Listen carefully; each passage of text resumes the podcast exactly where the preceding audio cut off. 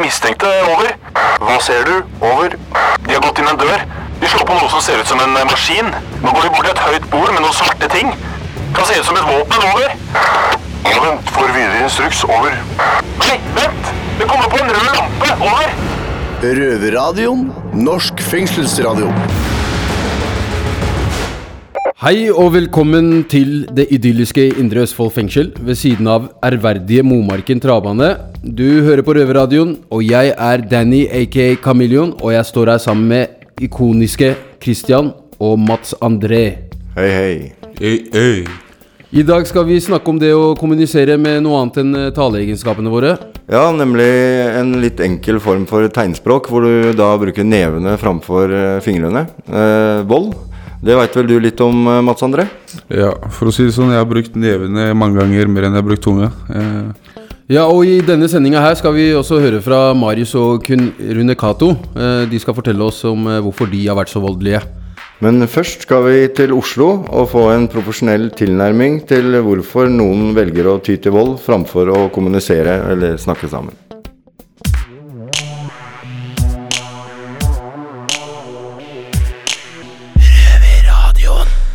En av fire innsatte i norske fengsler er her pga. vold. To av dem står i Røverradioens studio i Oslo fengsel akkurat nå. Og det er meg, Karim, og jeg har med meg Denzil. ja.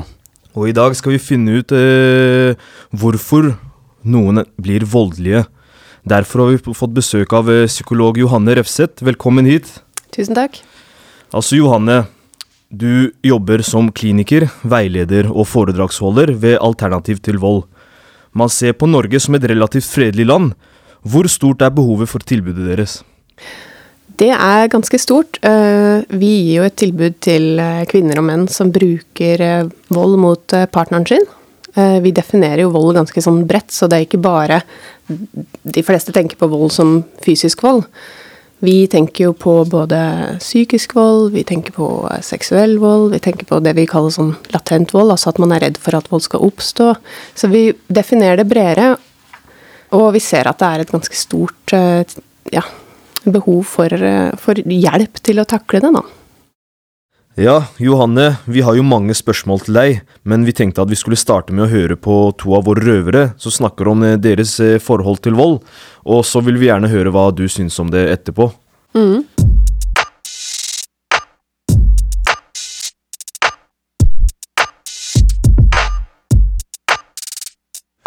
I dag skal vi snakke om uh, vold i hjemmet, Uh, vold i nær relasjon. Uh, jeg heter Marius. Jeg har vokst opp selv i et voldelig hjem.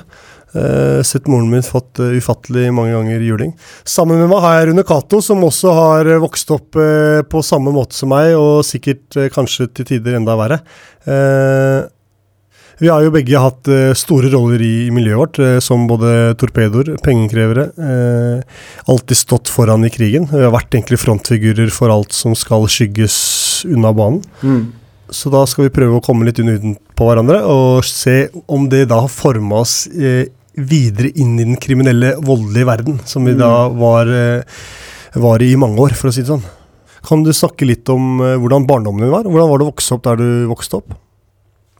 Nei, jeg vokste opp med en uh, stefar som uh, Ja, hva man skal si Mishandla Det var litt vold hjemme, da. Så bare vokste opp med det, da. Det liksom Når du går hele ungdomsskolen sant, med liksom litt sånn dødsangst og sånn type ting, og du er redd for å komme hjem og finne ja, mora di banka i hjel, liksom.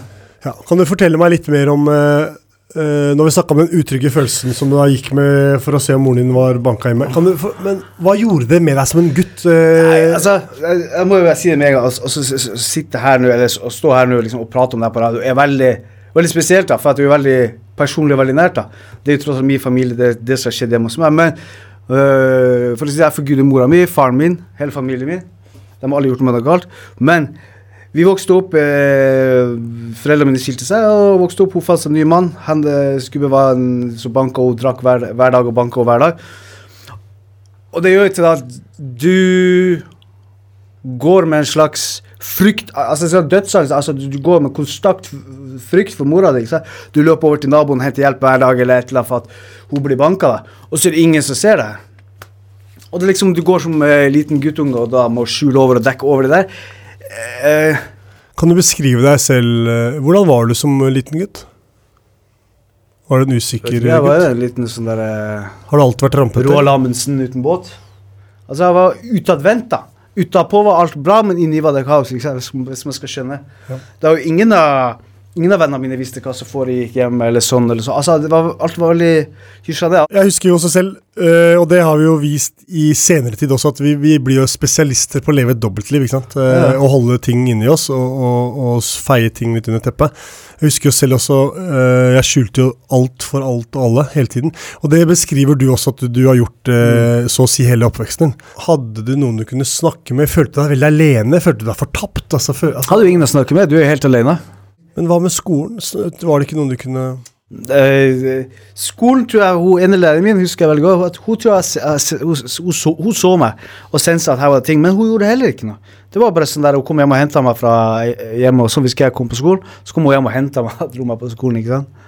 Så det var jævlig kult, da. Men eh, Altså men, Nei.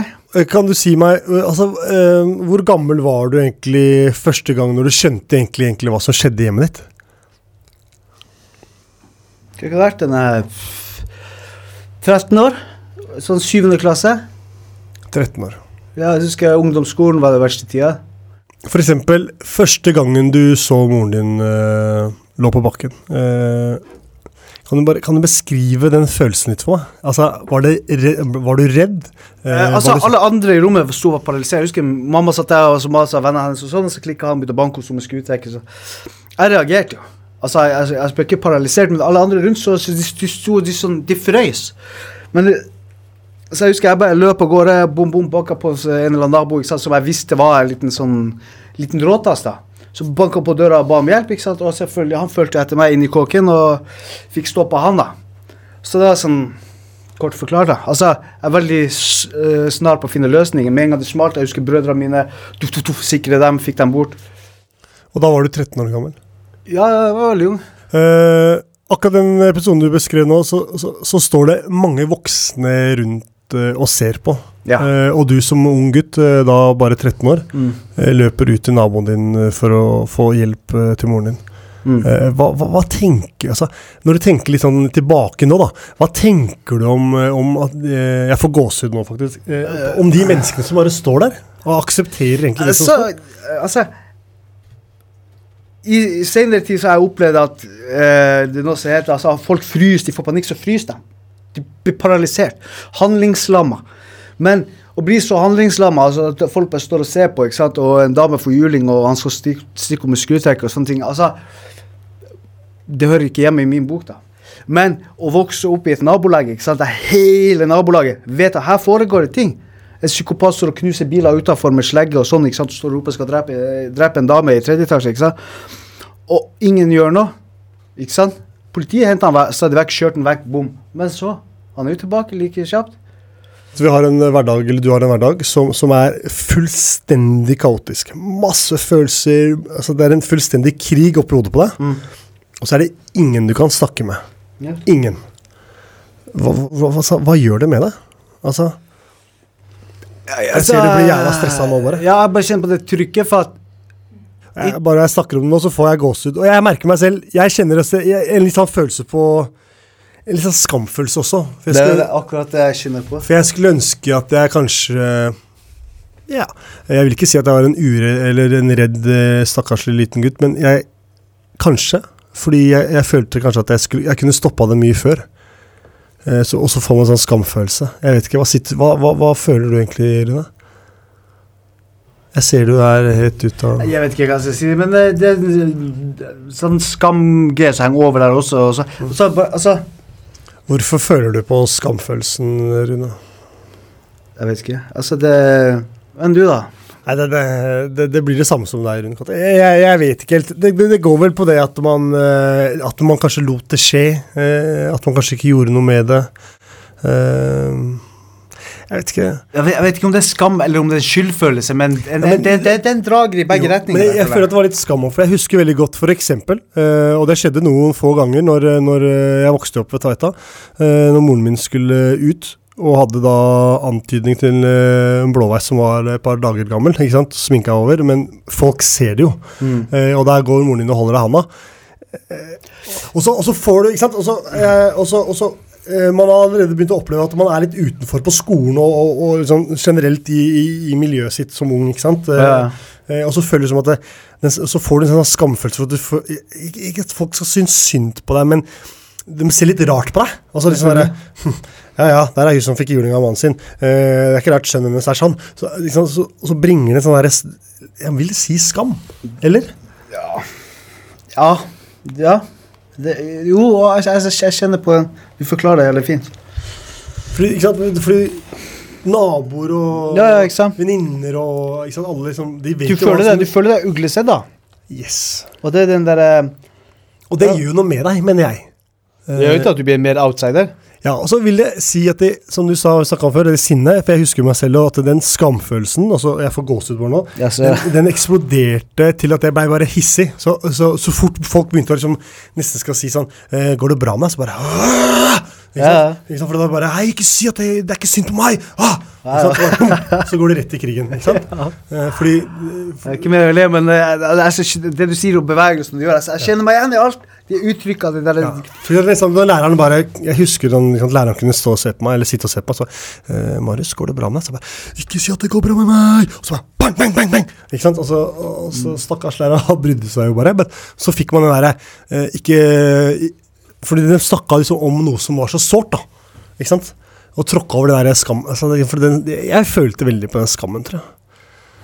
Ja. Jeg, jeg vil si det. faktisk. Jeg gjorde det vel også. Det, Men øh, hvilket punkt øh, vil du si at det ble et sånn vendepunkt i, i barndommen din? At, at, fordi du sier at du var litt at du var frykt, du var litt redd. øh, og så plutselig så Nå så sier du at du, sant, du ble voldelig. Uh, egentlig så skulle jeg nesten tro at du ble litt motsatt. At du egentlig ikke skulle bruke vold. ja, det skulle jeg òg tro. At, altså, det, det er mest fornuftig, men uh, For den tida husker jeg at jeg var ute og drakk meg ganske full. Og det var nettopp begynt å drikke, og sånn, ikke sant? så da hadde en av vennene til mamma sett meg på byen. Og fanga tak i meg, for jeg var ganske dritings. ikke sant? Og da hadde jeg ikke sant, som en liten lukka gutt som ikke har fortalt det her til noen, ikke sant? Så, og da åpna meg til han, betrodde meg til han i fylla. da. Påvirka tilstand, fortalte om hva som foregikk hjemme. ikke sant? At mamma, mamma banka, sånn og sånn. Og det jeg ikke visste, at han her vennen til mamma var en farlig skumling. ikke sant? Så han var en torpedo. ikke sant? Og det visste ikke jeg, men jeg hadde i hvert fall betrodd meg til han. Det var katta ut av sekken. Så husker jeg veldig godt at eh, ja, eh, de to guttene, eller vennene til mamma, da kom og henta han og Henta han eh, eksen til hun eh, Altså Stefaren min henta han og banka han, og borte ble han. Vi så han aldri igjen. I hvert fall det Da så jeg det at to, altså, altså, altså, altså, altså Å være en tøffing lønner seg, på en måte. Det var da det gikk opp for meg at hei, jeg skal bli den tøffeste gutten i gata. for ha, ha, Den tøffeste gutten, i gata kan gå og hjelpe folk. ikke sant? Altså, det er Litt sånn der feil eh, satt sammen. da, Jeg vet ikke hvordan jeg skal forklare det. Men de berga i hvert fall meg og barndommen min. berga- Altså, jeg så på dem som helter. De berga møtet. Ok, da, da øh, Jeg forstår veldig godt følelsen dine. Eh, Jeg, jeg husker når, når, når, eh, når det ble løst, da Det var en god følelse. utdyp den følelsen her litt mer. Du sier god følelse, men jeg, jeg vil utdype den litt mer. Kan Altså, du tenke deg, du kan puste ut, og du vet at ikke Yes. noen står med kniven på strupen lenger. Du kan puste ut, du vet, vet, vet, du vet at de er trygge, ikke sant? du følte at moren din kanskje var litt fri, Ja. Uh, og så Til slutt så fant du en trygghet. ja. Hva var det? Det var jo vold, da. Vold og dominering. Altså, altså Det er tryggheten, da. Det- Når jeg ble usikker, sikker løs på folk, jeg angrep de. Jeg likte ikke å være, føle meg usikker, for det minte meg om at jeg var en liten guttunge. Skjønner du? Sto der og var usikker igjen. Og hva skal jeg gjøre, ikke sant? Og da, da klikker jeg. Og jeg, jeg sliter litt med den eh, samme problematikken enda. Hvis jeg blir usikker, så kjenner jeg at det, at jeg, at det begynner å prikke i nakken. Og, og at jeg begynner å miste fatninga. ikke sant? Da, da, når, når jeg kjenner de tinga der, så går jeg. Da snur jeg meg og går. Ellers så vet jeg at det kommer en ehm, Et utbrudd litt senere i samtalen. Hvis ikke jeg går. Men når hadde du din første, første grove voldshendelse? Mm, det vil jeg si var mot stefaren min. Han som mishandla mora mi i mange år. Og etter det så fikk jeg sånn mestringsfølelse. da. Det her mestra jeg, da. Å ødelegge eh, sånn type folk. Og da ble det til at Jeg vet ikke. Det var greit. Det var normalt. Vold var en trygg greie. Det var en eh, konfliktløser. Den, uh, uansett konflikt, så det løser det. Over en til at det var så mange mennesker rundt som, som så det, visste hva som skjedde, men som ikke gjorde noe med det. Uh, jeg husker meg selv. Jeg, det bygde opp en sånn at jeg fikk sånn autoritetsproblemer. Ikke sant? Alle slags, uh, Alt fra naboer til politi. Så, der, uh, så så jeg blokkerte altså det, de, var, de ble fiendene mine. Fordi de, Helt de hadde? Helt riktig. Du, det er egentlig greit å forklare det ganske fint, for hele nabolaget sto og så på. eh, alle visste om det. Alle, alle dekket over det, ikke sant? Og det, det er liksom ingen hjelp å få. Og så eneste som gjorde noe, resultatet kom fra, det var når jeg prata til de, han ene kompisen til mamma, som var torpedo. Jeg visste jo ikke han var en farlig mann da, men jeg fant det ut ganske kjapt. Og da opplevde jeg seg, det eneste, eneste som gjorde noe der, det var to kriminelle. De verste folka i byen. Mens alle andre visste om det, sto og så på. Og sånne type ting. Og det skaper jo et autoritetsproblem i mitt hode. Og ditt hode. Og da var det på en måte vei, veien inn også til uh, Ja, det tenker jeg. vil, du, vil du si at de ble forbildene dine? Absolutt. Hvorfor det? Uh, de, de befridde oss. Vi tror Familien min var jo fanga av han psykopaten. Så de ble helter. De ble helter. Et annet følsomt tema som jeg må ta opp, fordi jeg husker jeg ble forma som en person, øh, kanskje ikke så bra person en liten periode, og det er litt sånn tabu å snakke om det, men fikk du dårlig kvinnesyn ut fra alt det du opplevde med moren din? Ja, Nei, det vil jeg ikke si. Keynes, altså, nei, faktisk ikke. Nei. Jeg, så jeg har bare sett hvor, liksom, hvor sårbar hun var. liksom. Nei, men sånn det. Fordi jeg husker at jeg ble, jeg ble forma på en sånn øh, Jeg henta meg inn etter hvert, øh, men jeg ble forma på en litt sånn måte at jeg øh, jeg slo faktisk alt på to, to bein. Altså uansett kjønn. Eh, Mm. Ja, og gutta som bare eh, ikke sant, eh, fikk litt sånn sjokk eh, for at jeg da knocka plutselig dama til en kompis av oss, for hun var frekk i Altså, Ja. jeg, jeg hadde ikke noen hemninger, da. Ja. Eh, og så forandra det seg så klart litt. Men jeg, jeg fikk et ganske dårlig kvinnesyn, da, fordi jeg følte at eh, Og det, det, det er veldig Det stikker litt å si det, men man følte kanskje at kvinnen var det litt svake skjønn fordi hun eh, lot seg på en måte bli tråkka på sånn hele tiden uten å liksom, stå opp for seg selv. da. Og så mista man litt og det gjør meg vondt, fordi jeg har et utrolig godt forhold til moren min, akkurat som du har i dag. eh, Og jeg elsker henne overalt, men, men jeg mista litt respekt for moren min en periode. Eh, som studde som at jeg, at jeg var sånn sint på alle slags damer, på en måte. Og jeg, jeg fikk ikke den sinne, jeg fikk bare mer den der beskytteren-biten. Skjønner du? Be, å være beskytter. Bra. Men igjen, eh, det vil jeg at vi begge skal eh, påpeke. Mødrene våre er heltene våre den dag i dag. Ja, ja. Tenk at vi har stått gjennom det. Ja. Hvis, vi er jo her, da, så, ja, vi har hatt en karriere i fengsel og sånn, men mødrene våre, vi har ikke vært her uten dem. Absolutt ikke. Og vi Så- elsker dem uh, fullt ut av hjertet vårt, begge to. Mm. Uh, da takker jeg for oss. Ja, hei. Du hører på lyden av ekte straffedømte. Røverradio. Hver lørdag på NRK P2 halv fire. Og når du vil som podkast. Yes, her hørte vi historien til to av våre røvere om eh, vold i hjemmet, da. Eh, så vil jeg bare spørre deg, Johanne. Er det, er det disse gutta forteller typisk, eller er det veldig spesielle eh, situasjoner her? På noen måter så er dette her typisk, og på andre måter så er det nok litt i den alvorlige enden. ikke sant? Det han forteller om er veldig, veldig alvorlig vold, det er langvarig, og det er virkelig sånn Det her sviktet fra omgivelsene og samfunnet er veldig stort, da, siden det har vært så åpenbart hva han har blitt utsatt for, og ingen har gjort noe. Før den her torpedoen da, kommer og faktisk hjelper han, og kanskje redder både han og moren hans. Eh, Men hvis du tenker på sånn undertonene i det, er det nok mye likt. Og det som er eh, typisk, er at man, man kanskje har opplevd type vold, overgrep, eh, omsorgssvikt i hjemmet. Eh, Det trenger absolutt ikke være så alvorlig som det her. Det her er veldig, veldig alvorlige greier. Eh, Og så opplever man gjerne det som vil si, altså En ting er at man opplever disse traumene, en annen ting er at man opplever ikke det vanlige familielivet. Så man har både på ene siden eh, voldsomme ting eh, man skal håndtere som barn, og på andre siden så har man ikke det vanlige familielivet, man har ikke den vanlige omsorgen. ikke sant, Stefaren har ikke kommet inn og, og spurt om hvordan var dagen din, og ja, hvordan går det med han kompisen. ikke sant, Han har ikke hatt vanlig omsorg. Eh, og i tillegg så har han fått det her opplevelsen av at andre ikke bryr seg. ikke sant? For det er mange folk som bare har stått og sett på dette her. Og det er jo eh, sånn som han forklarer det så bra, han ene verten, med at liksom Ja, men du mister troen på andre, da. Du får et bilde av andre at de ikke bryr seg. Du får kanskje et bilde av deg sjøl om at du ikke er så innmari viktig, siden at andre åpenbart ikke syns du er så veldig viktig. Og så er det den her, her at han opplever ikke sant, mestring med mål, da.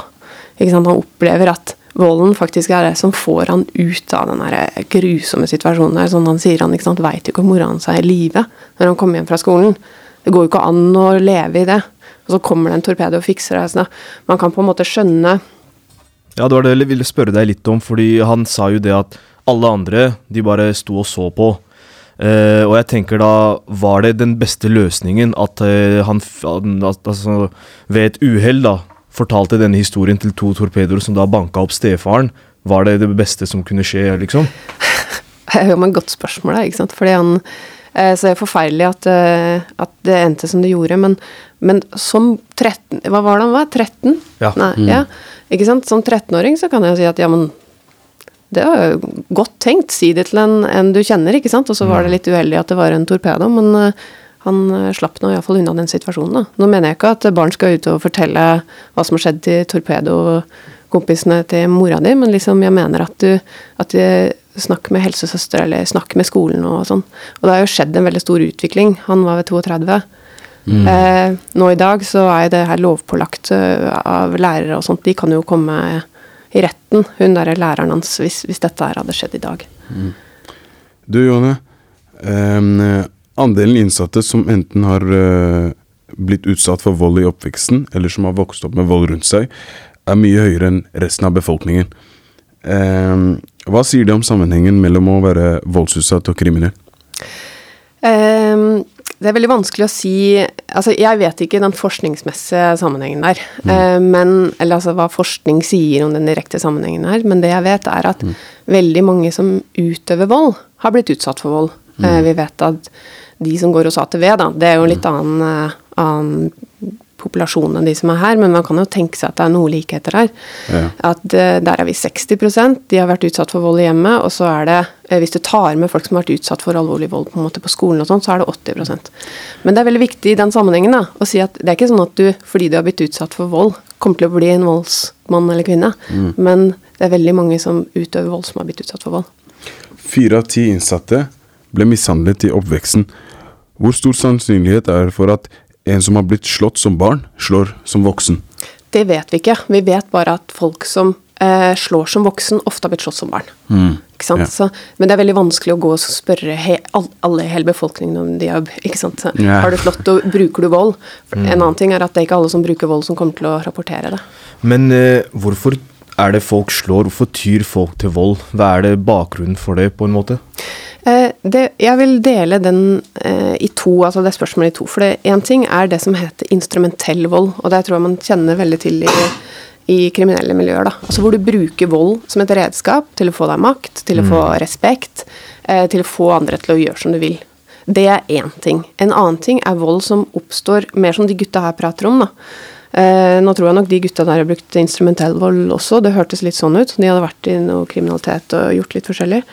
Men eh, den andre volden handler om den som kanskje kommer eh, kommer av seg sjøl. Altså, han- forteller bl.a. om at liksom, ja, men hvis han blir usikker, så eh, kjenner han sånn prikking i nakken, og så bare klikker han. Ja. Um, og det er vold som handler om at han kanskje ikke har lært å håndtere følelser. ikke sant? Det er vold som handler om traumer han har opplevd.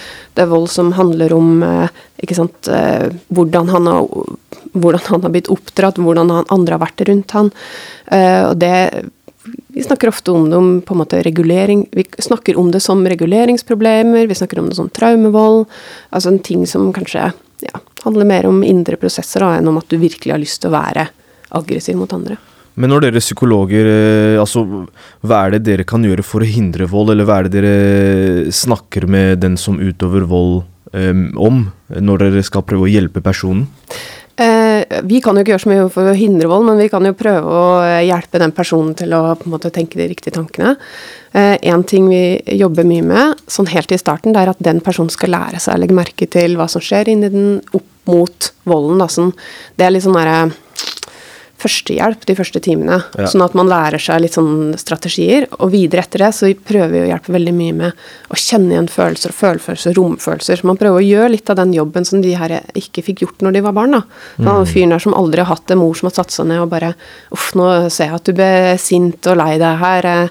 Det må ha vært vanskelig for deg. Nå skal stefaren din hjelpe deg litt og gå ut og spille fotball. ikke sant? Han har ikke hatt den der, da. Så vi prøver å hjelpe, eh, hjelpe de å sette ord på følelser og snakke om ting. Og kanskje lære de å forvente andre ting da, av et familieliv enn uro. Så har det blitt forska mye på eh, om vold ligger i mennesket fra fødsel. Eh, er vi født voldelige, eller eh, er det noe man blir lært etter hvert i livet? Man er ikke født voldelig, men man er født sånn at man kan bruke vold hvis det er nødvendig. Altså som, som art så må vi ha kunnet bruke vold og være aggressive hvis vi var trua, ikke sant. Det, er veldig stor, det vi er født med er jo sinne. Eh, sinne er jo en følelse. Det er veldig stor forskjell på følelsen sinne og det å bruke vold som følge av sinne. Alle blir sinte, eh, og så er det bare noen som bruker vold. Men alle er jo i stand til å bli så sinte at de faktisk beskytter seg sjøl. Ja. Men hvis vi tenker tilbake til intervjuet med Rune Cato, da. Så eh, altså, hva er grunnen til at eh, noen kvinner velger å bli i forhold som er eh, voldelige? Altså, Rune Cato sa at han skulle ønske at moren bare avslutta forholdet. Men hvorfor gjorde ikke moren det, da, på en måte? Hvorfor velger hun å bli i et voldelig forhold? jeg, jeg kan jo ikke si noe om ak akkurat hans mor, men jeg vet at en grunn til at man ikke går, er at man er redd. At man, eh, en annen grunn er at man blir psyka ut eh, eh, personlig. At man ikke klarer å på en måte stå opp for seg sjøl. Man begynner å tvile på hvem man er. ikke sant? Man begynner å tvile på om man har rett eller ei. Eh, man er kanskje så utslitt at man ikke orker å gå.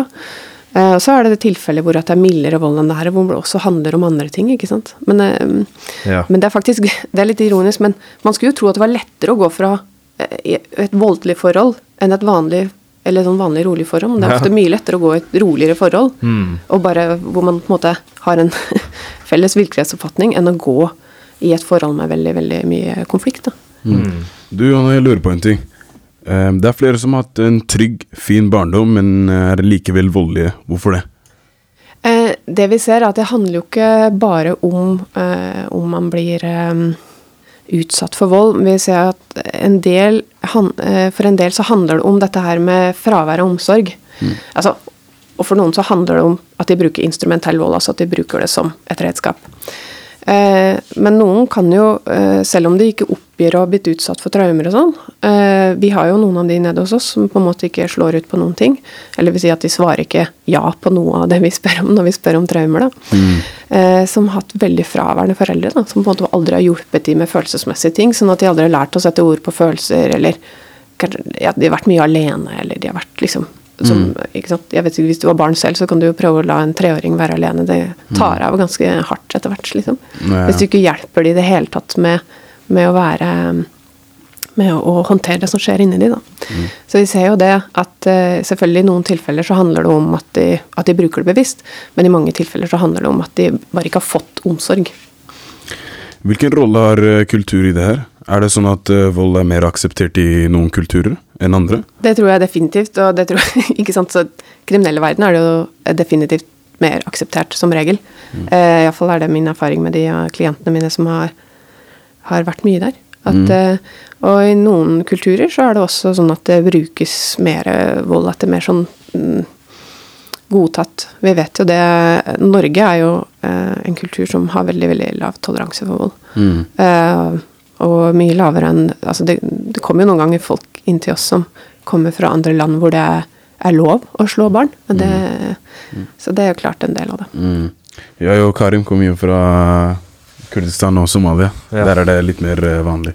Ja, ikke sant. Så, men det, det, det vi, ikke sant? Da, hvis vi ser at det er foreldre som, som på en måte bruker det uh, mer bevisst, da, og de får vite at ja, her er det ikke lov å bruke det, øh, og de har på en måte koll på sine egne følelser, så er det lettere for de å slutte. Da. Men vi ser at øh, det finnes jo foreldre som kommer fra de kulturene som, hvor det egentlig ikke handler om noe kulturelt, men det handler om at de ikke klarer å, å styre seg da, overfor barna sine. Altså, jeg soner en voldsdom nå. Eh, og jeg har kanskje Altså, jeg blir kanskje litt sur, da. Hvis eh, jeg føler at ting eh, hele tida går imot meg. Eh, og hvis jeg er i en situasjon der jeg er litt ekstra sur, har du noen tips til hvordan jeg kan roe meg ned, bortsett fra den der telle til 10 eller 100 eller 1000-greia? Ja, eh, noen ganger så syns jeg det er sånn, kan være litt sånn lame å gi folk sånne eh, tips. For de fleste som har, kjenner at de har litt aggresjonsproblemer, de, kanskje, de har kanskje lest litt på nett og sånn, og syns det er vanskelig å bruke i praksis. Så et hett tips er egentlig å søke hjelp, da, sånn at du får, får sparra litt med noen. Sånn at du får hjelp til å kartlegge hva det er som skjer inni deg. Sånn før du bruker Før det blir hissig, da. Eh, sånn at det er lettere for deg å, å gjøre det trikset som han her eh, gjør, da, med at han klarer å gå liksom litt før det bygger seg opp. da. Ja. Men ellers så har vi jo sånn, ikke sant eh, Vi har jo faktisk eh, telt i de. Men eh, og så har vi prøve å gå ut av situasjonen før vi har å prøve å sette ord på følelser. Er veldig prøve å øve seg på å sette ord på følelser og behov. For ofte handler det om at man ikke sant, Hvis eh, dama kommer hjem for sent, og så og så er man kanskje lei seg eller trist, og så er, vokser, vokser man jo opp i Norge hvor at menn ikke skal gråte, ikke sant, eller ikke skal være triste, og så blir man sint i stedet. Så det, det er veldig fint å klare å etter hvert øve seg på å si at eh, kan du være snill å komme hjem til tida, det betyr mye for meg. ikke sant. Ja. Nei, men eh, er det noen eh, Altså, begge vi to som sitter her, soner pga. vold. Er det noe du vil spørre oss om, som du kanskje lurer på? Ja, det, tenk, det er et spørsmål tenkte jeg veldig lenge på. vet. Ja. Ja, hvor- når er dere ferdig i sona? Uh, jeg er ferdig i sona i en tid neste år i vinteren. Ja. Men jeg har sittet her i to år nå, Ja. cirka. Og, så da har jeg bare ett år igjen, da. Eh, jeg vet ikke, dommen min er ikke rettskraftig. Så ja, nemlig. Ok. Nei, egentlig så tenkte jeg bare Nei, jeg har ikke funnet noen gode spørsmål, egentlig. Nei. Nei, men eh, Johanne Røsse, tusen takk for at du kom hit. Eh, takk for besøket. Det var veldig hyggelig å ha deg her. Takk i like måte. Det var veldig hyggelig å være her. yes.